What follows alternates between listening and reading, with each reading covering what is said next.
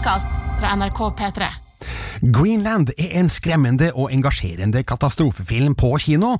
Netflix-filmen Project Power er cocktailen du får om du tar Jaget, Taken og X-Men i en blender, og HBOs nye storsatsing Lovecraft Country byr på vakker nostalgi, vemmelig rasisme og gøyale B-filmmonstre.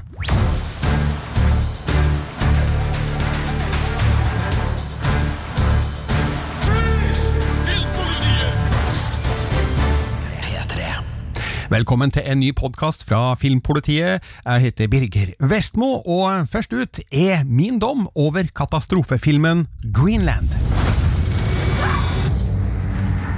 We now are getting word that the fragment has hit Central Florida. Oh my god. Wait, are some more pieces gonna hit? Come on, let's go. But the sky's on fire. Two days. They got it all wrong. There's a ton of fragments. Planet killers. Space agencies are predicting an extinction level event. We're gonna be together. All right, kiddo? We're just trying to get to safety. They've been tracking the military flights to bunkers in Greenland.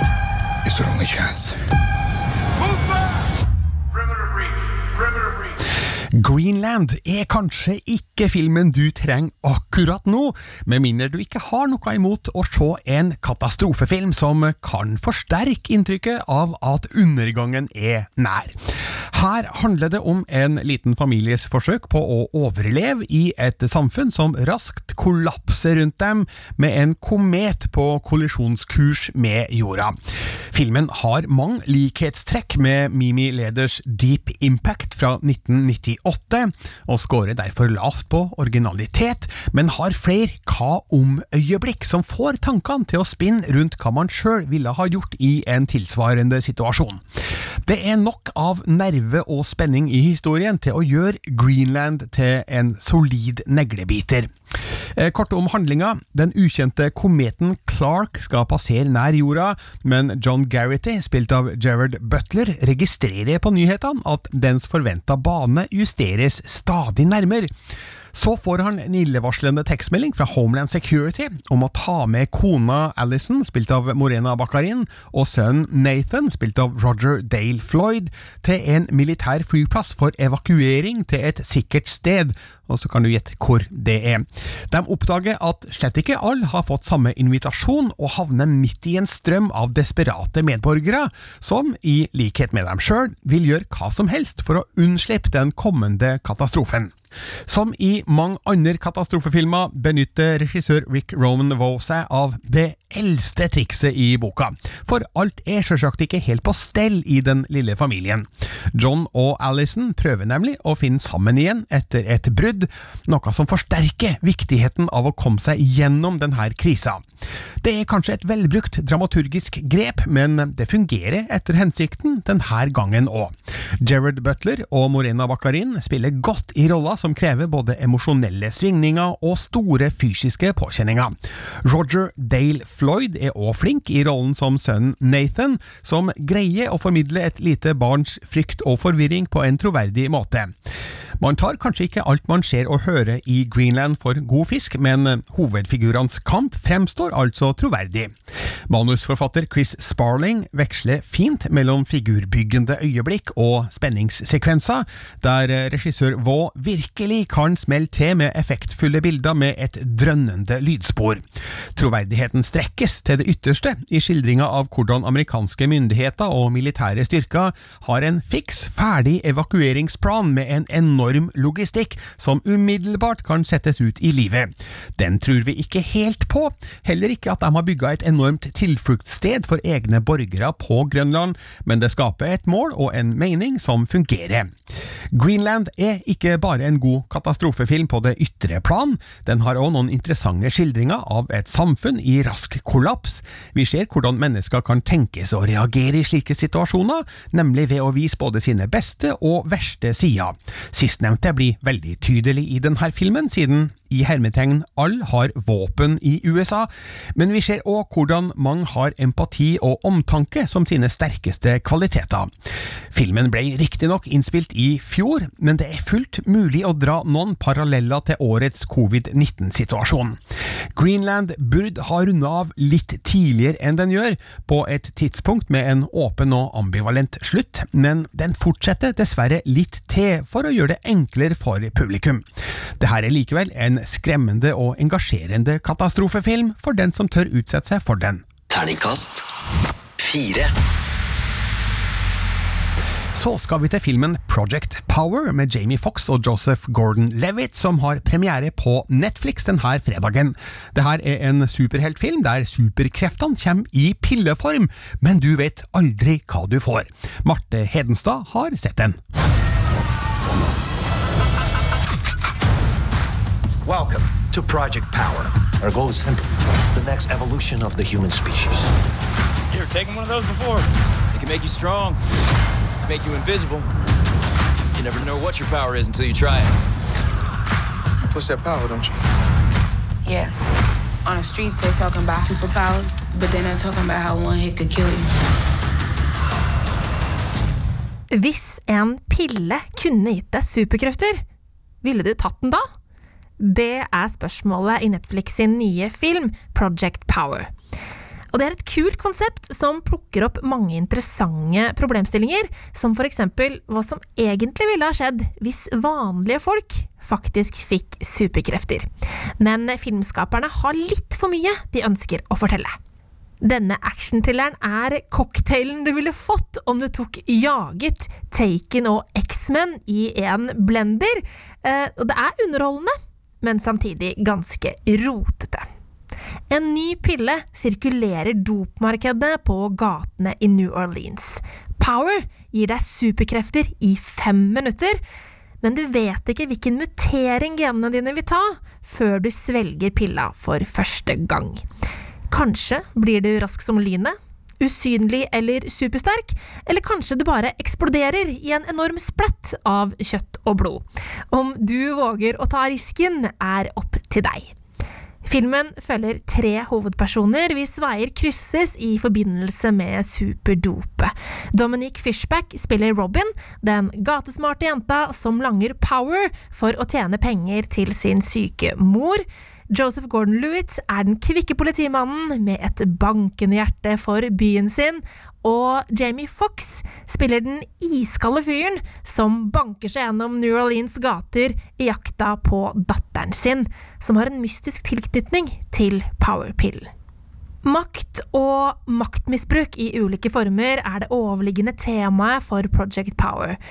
With great power comes great responsibility, var det en klok superheltonkel som sa en gang, men hvordan ville folk flest faktisk brukt superkreftene sine om de fikk muligheten?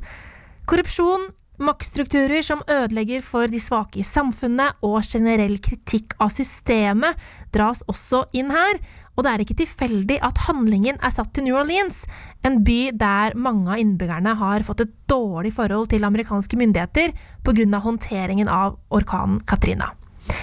Alt dette er veldig interessant tematikk. Problemet er at filmskaperne vil innom så mye på så kort tid. Det blir rotete når handlingen haster seg forbi uten å gå i dybden på noe av det, og vi rekker heller aldri å komme ordentlig under huden på de tre hovedrollene. Likevel så er Project Power en underholdende film. Jamie Fox er tøff i rollen som brutal hevner som uten å mukke dreper alle som står hans vei på jakten etter datteren. Det er flere kule scener her som vil tilfredsstille actionjunkier der ute, med spesialeffekter som ser overraskende bra ut til Netflix å være. Joseph Gordon-Lewitt er passe morsom som filmens vitsemaker, og fungerer fint sammen med Dominique Fishback, som er filmens hjerte. Hennes Robin er figuren vi blir best kjent med i løpet av filmen, og Fishback, som fra før er mest kjent for sin rolle i HBO-serien Show Me a Hero, sjarmerer meg virkelig. Som de fleste filmene Netflix produserer, så er det et stykke igjen før Project Power når kinokvalitet, men dette er absolutt en verdig kandidat for film til fredagstacoen. Terningkast fire. Project Power har altså premiere på Netflix denne fredagen, og ble anmeldt av Marte Hedenstad. Lovecraft Country er en av seriene vi i Filmpolitiet har sett aller mest frem til i år. Den bokbaserte HBO-serien er produsert av JJ Abrams og Jordan Peel, og den er satt til et amerikansk 1950-tall, hvor både segregeringslova og faktiske monstre skaper stor utrygghet. Den har premiere nå på mandag, og Sigurd Vik har sett pilotepisoden. What's that book you've been reading about? It's about heroes who get to go on adventures, defeat the monsters, and save the day. Lovecraft Country er en sjangerleken, smart og elegant sammenskrudd skrekkdramaserie full av poengtert og treffsikker samfunnsbrodd. Pilotepisoden Sundown er skrevet av serieskaper Misha Green sammen med Get Out-regissøren Jordan Peel, og den byr på en drivende godt skildra roadtrip gjennom et nostalgisk vakkert og vemmelig rasistisk USA på midten av 50-tallet. Said we have a secret legacy, a birthright that's been kept from us in Lovecraft country. That place. It's not real. You sure? Soldaten Atticus Black, spilt av Jonathan Majors, har fått et merkelig brev fra sin far. Når han kommer hjem til Chicago, er faren forsvunnet, og sammen med sin onkel, spilt av Courtney B. Vance, og en gammel klassevenninne, spilt av Johnny Smollett Bell, setter han ut på en biltur for å finne ut hva er det som har skjedd med far.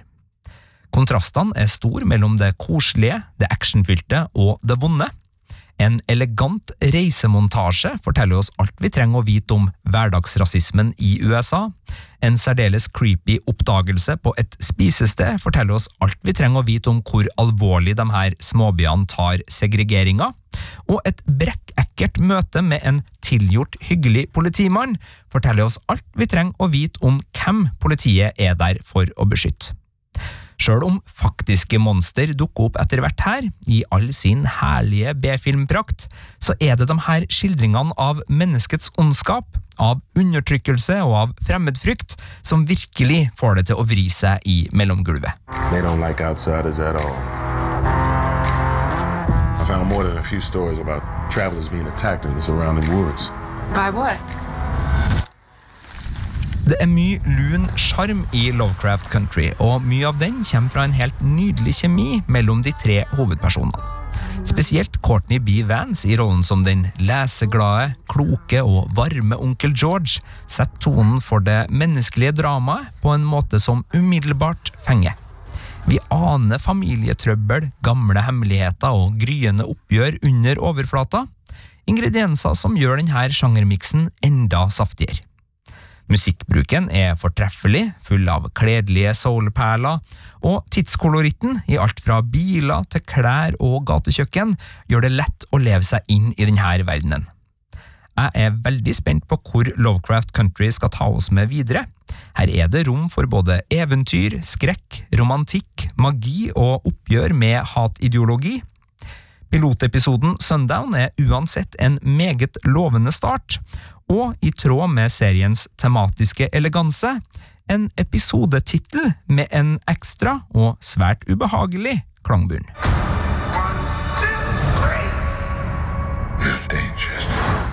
Terningkast fem. Det var kollega Sigurd Vik som hadde sett pilotepisoden av Lovecraft Country. Serien er på totalt ti episoder. Den har da premiere på HBO Nordic nå på mandag 17. august, og så kommer det en ny episode hver uke fremover. Og da er det punktum finale for denne podkasten. Du kan også finne oss på Twitter og Instagram ved å søke etter Filmpolitiet. Du kan sende oss e-post på filmpolitiet at nrk.no hvis du vil oss noe. Vi har første radiosending etter sommeren nå på søndag fra 12 til 15, og så kommer det en ny podkast om en uke. Jeg heter Birger Vestmo, tusen takk for nå. Du har hørt en podkast fra NRK P3. Hør flere podkaster i appen NRK Radio.